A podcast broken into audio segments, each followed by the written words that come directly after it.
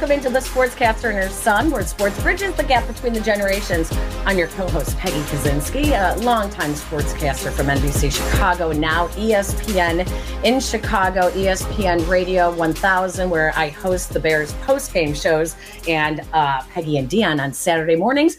Jason is my son, and he is my co-host on vacation with you right now, Mom. Isn't pretty nice being out in not so sunny Florida right now? It's, uh, uh, could be better. Yeah. Anyway, I am. Uh, I'm the son, Jason Conander. I'm a for one more semester a senior at the University of Texas at Austin sports director of TSTV there. I also have a podcast, Hook 'em Hoops, with the Field of 68 Media Network, and I am for hire. So if you are listening to this show and you need a sports reporter or MMJ, please reach out to me on social media, and I'll send you my reel, and we'll get talking. So that, that's my self promo. That's my self promo. No, listen, I'm with you. I'm with you. Get, get off the family payroll, get onto your own. I love it. Um, Please. So, this is what we do as a mother son that hosts the uh, podcast. We talk sports, mostly about Chicago sports. And today, Jason, we have the uh, a fun opportunity because we get to talk not only Chicago Bears, but we also get to talk Texas football, which is what you are so familiar with and it, and it couldn't be at any better time of the year, Mom. Getting ready to go to New Orleans here in a couple of days for the Sugar Bowl college football semifinal. Super excited. I never really thought that we would have an episode where we kind of get to mix Bears and Texas football. But Mom, we've been talking about doing an episode like this for a while, really since April, as we'll talk about here in a little bit.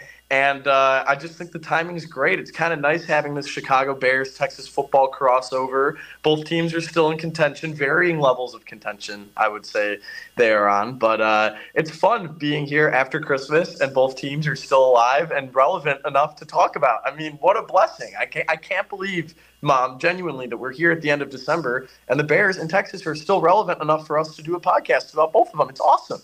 So the Bears have an infinite infinitesimal opportunity chance uh, for the playoffs, but mm-hmm. uh, they have seemed to turn things around uh, after a, a horrible 0 4 start this year.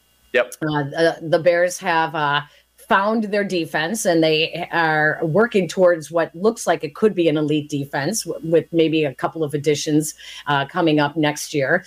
And their offense is is getting there but what they do now that they have always done well and that is run the ball. And at this point in the season entering week 17 of the NFL season here in 2023 the Bears sure. have the second best rushing attack in the National Football League averaging 142 yards a game and that is with the four headed monster of Justin Fields, who leads the team in rushing, D'Onta Foreman, who came in when Khalil Herbert was injured, and D'Onta Foreman has just had a couple of monster weeks before he became injured, and Roschon Johnson, uh, the fourth round rookie uh, out of Texas, out of the Longhorns, um, who shared the backfield with Bijan Robinson, has been doing a really nice job as well. So the Bears are doing what they have done best, and it's defense and running the ball. Some of the other areas still kind of uh, remain to be seen and is a work in progress. Yeah, mom. You know, I do. I do completely agree that certain aspects of this Bears team, it's a far cry from what it was at the start of the season. Right? They started out 0 and 4. At some point, the losing streak that had spanned two seasons had gotten up to almost 20. And so it's just nice. Like you know, you mentioned they have a very small chance of making the postseason, but like they're just back to being a. I don't know if you could say res- fully respectable, but they're competing every week. And that's a level that this team wasn't at a year ago. And so that in of itself is a win. And I think the running back room, the running attack has been largely a positive, especially with all the questions about the offensive line coming into the season to still be able to have such a stout rushing attack is very impressive for the Bears. And a big part of that have been the play of both of the Texas guys in the backfield. You mentioned D'Onta Foreman had a number of big games before going down with injury. Roschon Johnson has been able to contribute in many areas of the backfield, not just in carrying the ball, but as a pass catcher out of the backfield. He had five receptions in his NFL debut against the Green Bay Packers in week one. As a pass blocker, he has been the best of the three Bears running backs by far. Not that the bar is too high there, but, you know, he's been the best of the three pass blocking Bears running backs. And he, he's been working out of the Wildcat lately too, which is something that I've been calling for. I know you've been calling for. So to see kind of how the Bears have been able to adapt we've been used to this sort of regression as the season comes along. It's been nice to see the Bears actually progress as the season has come along and be a better version of themselves than we saw them start the season as. You know, it likely won't end up in a playoff berth, but at least there are some things that we can look at on both sides, all three sides of the football, really, and say, hey, you know, at week one, week four, these things were really ugly. And by week 17, they were a lot better. And so maybe if those first four weeks of the season went a little differently, the Denver game, the other Detroit game, I know that wasn't the first four weeks of the season, but those two games stand out to me where if you could have those two back, it's a completely different season. And so, Mom, I think the bottom line is this Bears team isn't that far away.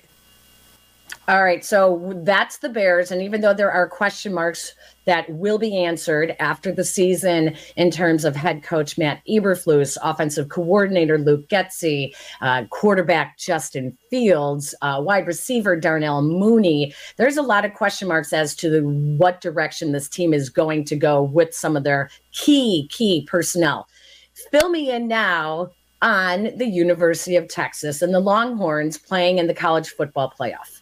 Yeah, I mean it's been it's been a very exciting year for Texas. It's been accumulation of a couple years of really heavy recruiting from Coach Steve Sarkisian, installing his system on offense and we kind of saw it in 2021 with that Alabama football team led by Mac Jones under center, what a Steve Sarkisian offense can do with the full array of weapons and play calling at his disposal. And this season, we've finally seen it. Texas's offense has been very much unstoppable in the last month of the season. The defense has been one of the best defenses in the country. So now the University of Texas will play in its biggest game since the 2009 national championship when they take on the Washington Huskies in New Orleans in a game that should be a very pro Texas Environment on New Year's Day at Caesars Superdome. Mom, it's going to be an incredible experience. It's going to be a wild atmosphere. This is a position that very few people might have foreseen Texas being in before the season. I sort of saw it coming with 11 out of 12 starters, except for the running backs, returning on offense, and the defense adding some talent and returning most of its talent from last season.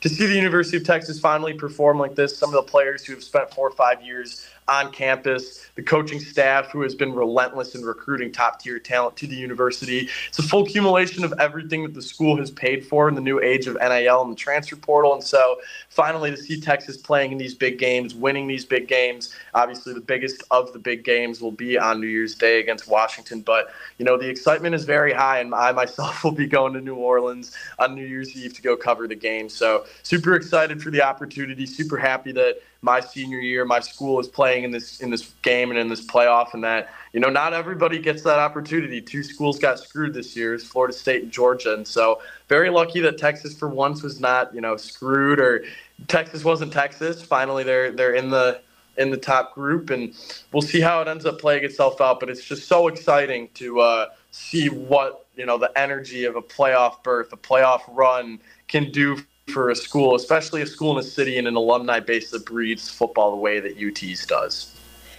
Jason, let's bring in our special guest, uh, Bears rookie Roschon Johnson, eighth leading rusher among NFL rookies this year in 2023. He was the Bears' fourth round draft pick.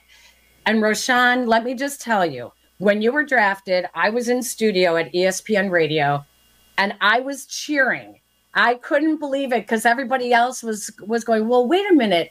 Like Bijan Robinson, like who's Roschon Johnson? I'm like, you don't know how good he is. So mm-hmm. this is a thrill for me that you're on the show. Welcome in. Yes, ma'am. Thank you for having me for sure. Thank you.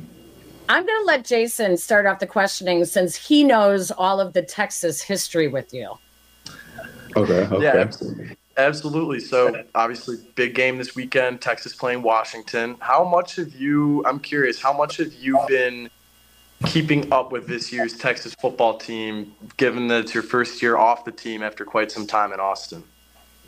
Yeah, it's definitely been a little, you know, a little weird on this end of the stick, but uh, definitely been keeping up with those guys, tuning in when I can, and uh, just you know, touching bases with a few guys that are still on the team that I was uh, you know, playing with. So yeah, definitely been keeping up with them throughout the years, and uh, definitely proud of where where those guys are and the you know places that they're heading. Yeah, and on the topic of past teammates, I mean, you get to play against your former running back partner in Bijan Robinson this upcoming weekend when the Falcons come to town. Do you have any jersey swap plan with Bijan? Y'all been in touch leading up to the game this weekend? Yeah, yeah, uh, definitely. You know, we're definitely going to get a jersey swap. So, going to be more than more than excited just to see him play. Uh, did this just in. Oh, I'm sorry. The computer went up. I'm sorry. Uh, but yeah, yeah, gonna, gonna be exciting just to see him play in person uh, on a pro setting, and then uh, you know just talking to him as well because uh, this will be probably the first time that I've seen him in person since we've gotten drafted. So yeah, it'll be fun. Yeah, over at 40 acres your reputation is so well known and i don't think bears fans really knew what they were expecting so i i would tell people that bijan was the lightning and you were the thunder to the lightning and you right. were like the rumble that came with it um, mm. how would you describe how you two played together in the backfield at texas yeah, uh, I mean, I, I, definitely think you could use that analogy, you know, uh, thunder and lightning analogy. But uh, I think we just kind of fed off of each other's energy. He would go in and make some plays, and then I would try to keep the ball rolling as best as I could when I got my opportunities. So, uh, yeah, definitely was a you know a tandem running back force at our tenure that we played together. So, um, you know, it was it was definitely fun, and I'm grateful that I played with him. Uh, you have to tell me if this story is true or not. Um, even though D'Onta Foreman got the Angry Run Award from NFL Network's morning show, I heard that you would hit so hard in Pee Wee football that the other players would go off the field crying and didn't want to play, and the moms all complained about how how hard you hit. Is that true? Uh, there's some truth to that. Uh, there was a couple of games where, um, you know, I had a couple of big hits down in uh, Pee Wee football down in Port Neches, and uh, the kids just never came back to play in the game. So, uh, yeah, there, there's some truth to that for sure. Dante For- D'Onta Foreman is obviously regarded as somewhat of a legend at the University of Texas because of some of the numbers that he put up in his time at the school. What sort of a mentor has he been to you in your rookie year in the NFL? Yeah, yeah. I mean, yeah, no doubt. He's definitely a, a legend on the 40 acres and, you know, winning the Doak Walker and everything that he did. So uh, uh, he's definitely been a big help and just, you know, let me know how things go in the league, the ins and outs of it, uh, the things, you know, on the field and things off the field that you don't see. So he's definitely been a guy, you know, that's been a, a reliable counterpart that I could go to for questions and, you know, just mm, general questions about the league. So he's definitely been a big help. And then kind of swinging back to Texas a little bit, I had the pleasure of getting to watch a lot of Jonathan Brooks this season in his first year with the Longhorns. Put up huge numbers before his season was unfortunately cut short with the torn ACL. Did you expect that from JB after you left the running back room? Because a lot of people didn't know who he was. He was a little under recruited coming out of high school. Were you surprised to see the numbers he was able to put up this year before he got hurt? Uh, no, I wasn't surprised, uh, honestly, because um, you know a lot of people would ask me like, how is the running back room going to look next year? And I would always tell them Jonathan Brooks, and they wouldn't. I mean, they didn't really expect anything. So uh, I think, I mean, you know, seeing the numbers that he put up, it wasn't necessarily a surprise for me, honestly. Roschon, I'm still surprised that you uh, you went to you committed to Texas as a quarterback, and that you were a very very good dual threat quarterback coming out of high school. Tell me about the transition from quarterback to running back. How did that happen? Because I think in 2019, when your your first year at Texas, uh, was it in the fall that you switched to running back? And what precluded that? Why why the change? Yeah, um, yeah. So I enrolled early out of high school, so I went that whole spring and that whole summer of 2019 playing quarterback, just trying to get you know adjusted to the system with Coach Herman and his staff, and then um, up throughout uh, training camp leading up to the season during the summer. Uh, pretty much all of our scholarship running backs uh, they were hurt at one point, and we were about a little over a week away from the from the season, so we didn't have any bodies to kind of uh, fulfill the running back role, and so. Uh, Coach Herman like pretty much asked me like, "You're the only able body that could really do it that knows the system. Uh, would I be willing to do it?" And I told him yes. So uh, I started playing a little bit, um, started doing pretty good. Uh, play a little bit of special teams just to see what I could do, and I pretty much just took off from there. So that's kind of how, how that went about.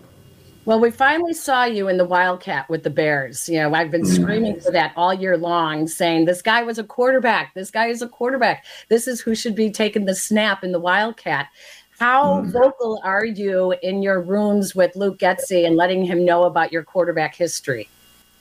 Uh, I mean, at the end of the day, I kind of let him, you know, call the plays and call pretty much whatever he wants to. Uh, you know, that that is an element that they can use me in, but at the end of the day, I feel like you know you gotta let him do do his thing. So I'm not really uh, that vocal about it. Roschon, you split carries in college. You're splitting carries this season, but everybody loves what they see out of you in those kind of short bursts where you do get the football. Down the line, two, three years down the line, do you see yourself as a feature back in the NFL? Uh, I mean, yeah. I mean, whatever opportunities come come my way, uh, whether I'm a starter or whether if I'm uh, in a rotation, um, I'm just going to try to make the most out of it. I mean, I know uh, deep down that you know I, I, can be a starter in this league, and I am uh, a starter in this league. So uh, whatever situation that I'm that I'm posed with, uh, my goal is to make the most out of it and you know, just to execute when I'm in the game. So yeah, for sure. And you know, we kind of joke often with rookie players kind of having a welcome to the NFL moment. Would you say that you've had one a, a welcome to the NFL moment or moments per se this year? And when you know, what what about those can you recall? Uh, I mean, that's kind of tough. I would probably say, I don't know. I've, I've had like just moments of the game.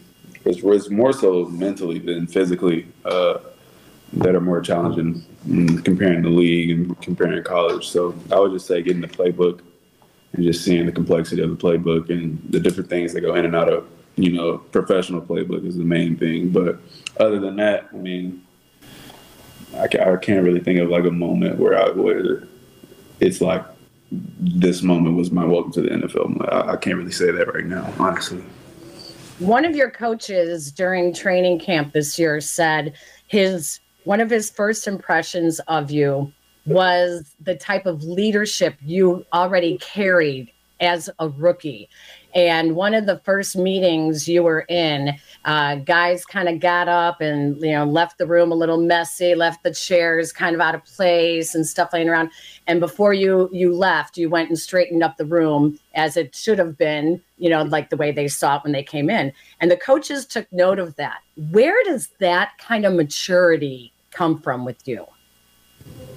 Um, well, I think first it starts off with just how I was raised a little bit, uh, and then as well. I mean, at Texas, we kind of made sure we left things in order and intact, and you know, try to we try to essentially lead things better how we found it, especially with that running back unit. Uh, I learned a lot just in you know we call it sweeping the shed, uh, and just you know taking care of your you know pretty much of your space and then respecting other other people's as well. So uh, that that goes beyond just football. That's for life. So I, I would say definitely uh, those two things, just growing up and then in my time at Texas, that definitely kind of helped me mature over the years. Well, I think also being the youngest, when you have older brothers, you kind of like like you got to run to keep up and you got to do everything to keep up with them. Um, and i i know that you worked out with your older brothers. Uh, i don't know that you were doing sled drills. How, how, old were you when you started doing sled drills with your brothers? Uh so i was probably like seven come on! Like second grade? Yeah like i and yeah it was a big tribute to like just my dad helping me out. It was he would always, you know, just be supportive in whatever I wanted to do. And then, you know, I, I pretty much knew I wanted to play in the NFL since I was young. So he basically told me if you want to, you know, be at that level, you got to do extra stuff. So, yeah, like from running on sleds. some of my middle school coaches, I remember seeing some of my middle school coaches seeing me run the sled when I was real young. So, yeah, yeah, I'd probably say I was like seven or eight. Well, and you and you had all your you were goal oriented, so you had notes all over your walls with your goals. Tell us about what some of those goals were when you were a kid that you had up on your wall. Yeah, you you know a lot. Where'd you get all this information from? I feel like you, you did your homework, but uh, but yeah, they um, yeah, I, I would definitely. My my dad was big on uh, you know, making sure I wrote things down on paper because that was like the foundational piece of making something come to life. So, uh, yeah, I made sure, and I still do that to this day. Uh, you know, make sure I write my goals down and what I want to get accomplished and things I want to do, and just kind of you know put them up and post them so I can see them. Just remind myself why I do certain things. So, yeah. What were the biggest of those goals that you accomplished while at Texas? While at Texas? Yeah. Um, I would say for one, I mean, it kind of changes for me every year. So I wrote down like multiple things, but I think just set myself up to be in a position like this, um, just getting to play at the University of Texas, um, that as well, and then just really just kind of set myself up to you know, get a degree. Uh, that was a big one, really a major one, was getting a degree from uh, McCombs School of Business, and then um, uh, yeah, just really set myself up to be in this position. So. And you are in a, in a great position right now. You know, sharing back sharing carries in a, in a in a backfield, being top ten in rookie rushing yards. You position yourself very well for the next few seasons in Chicago. Where how do you see it playing out with the Bears? How do you like being in a new city, of course, after spending five years in Austin? And do you know does Chicago feel like home for you yet? Like, what do you like about living there? Uh, yeah, um, I mean, you know, Texas will always be home for me. Um, uh, I don't think that'll. I mean, I'm just from Texas. I'm just a, a Texas kid, so definitely I've been getting used to you know just the things of Chicago, the ins and outs, and uh, most most of all the weather. That's been the biggest thing. But uh, I've been getting used to it slowly but surely. But yeah, I mean, I've been enjoying the process, and I just see me see myself get more comfortable and just better and better over the years. God willing. You haven't seen nothing yet with the weather, right? yeah. Get yourself ready for it. You guys in Texas and Austin, you had like one snowstorm a year, and it shut down the whole city. Yeah, yeah, it snowed out here, and just everybody just acted normal, like nothing was going on. So that, that definitely was a shock for me. So just a couple more questions for you, Roschon. Um, and one of them is growing up in Texas. Was one of those notes on your wall that you wanted to be a Dallas Cowboy one day? Mm, I don't know if they said that exactly, but uh, yeah, I mean, my family they they were big Cowboys fans. Uh, growing up. So I mean, I don't know if exactly they said that, but uh, definitely just you know to be in the league was a blessing. So. Well, I mean, look at look at the similarities. Both have a really good history of running backs. Um, you come to Chicago with a, a, great history of one of the greatest running backs uh, of all time. Um, what is it uh, that you're seeing with the Chicago Bears and their history that, if anything, appeals to you? that kind of brings out that same passion and love, you know, that like cowboy fans have. Yeah, uh, I mean, it's it's a long line of you know running backs that were great here, and uh, you know it, it kind of reminds me of Texas a bit. Uh, just kind of trying to withhold that tradition of you know being that that tough, hard nosed football team that always has a good stable of running backs. So.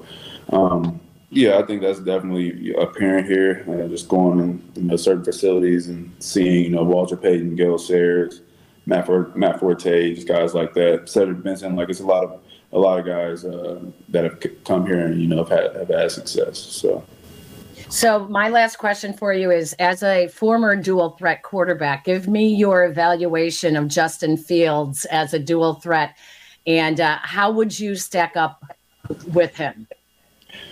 um, I mean, Justin's a great uh, quarterback. I think he can do everything. Um, he can make any pass, and he can definitely hurt you with his feet. So, um, yeah, I mean, there's not really anything that he can't do. Uh, I think uh, he's he's gotten better and better from the time that I came on here, uh, came to the Bears, and up up up until now. So, definitely uh, excited for the future with him. And then um, yeah, I mean he he's got me beat obviously, but uh, yeah, it's been a pleasure just to you know just play alongside of him. That's awesome, Jason. You have anything? Yeah, Roschon, Last question for you. Big game on New Year's Day. What's your official score prediction for Texas Washington? Uh, I'm really not good with score predictions. I'm never gonna win. I'm gonna say 34-27 us, Texas. There you go. You have any bets with uh, Kyler Gordon? Uh, nah, nah, we don't have any bets going on. But uh, he he knows what's up. I've been uh in his ear about uh you know the game coming up, so he knows. Wait, speaking of that, who's the biggest trash talker when it comes to their college? Is it Eddie Jackson with Alabama? Yeah. you yeah, had me in September for sure. Yeah, I did. He didn't have much to say to me back in September, so we're all good. Roschon, thank you so much for taking the time. We really appreciate it. Uh, you're doing great things on the field. Good luck against the Falcons and good luck at the rest of the season. Uh, thank you for joining us. Most definitely. Thank y'all.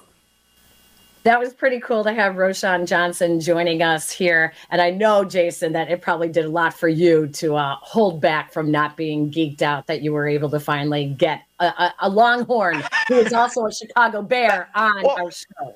That's what I was going to say. I mean, when you go to a school like the University of Texas, and abs, I mean, no ill will to any of the athletic staff at the school. The the um, sports information department does a wonderful job at UT.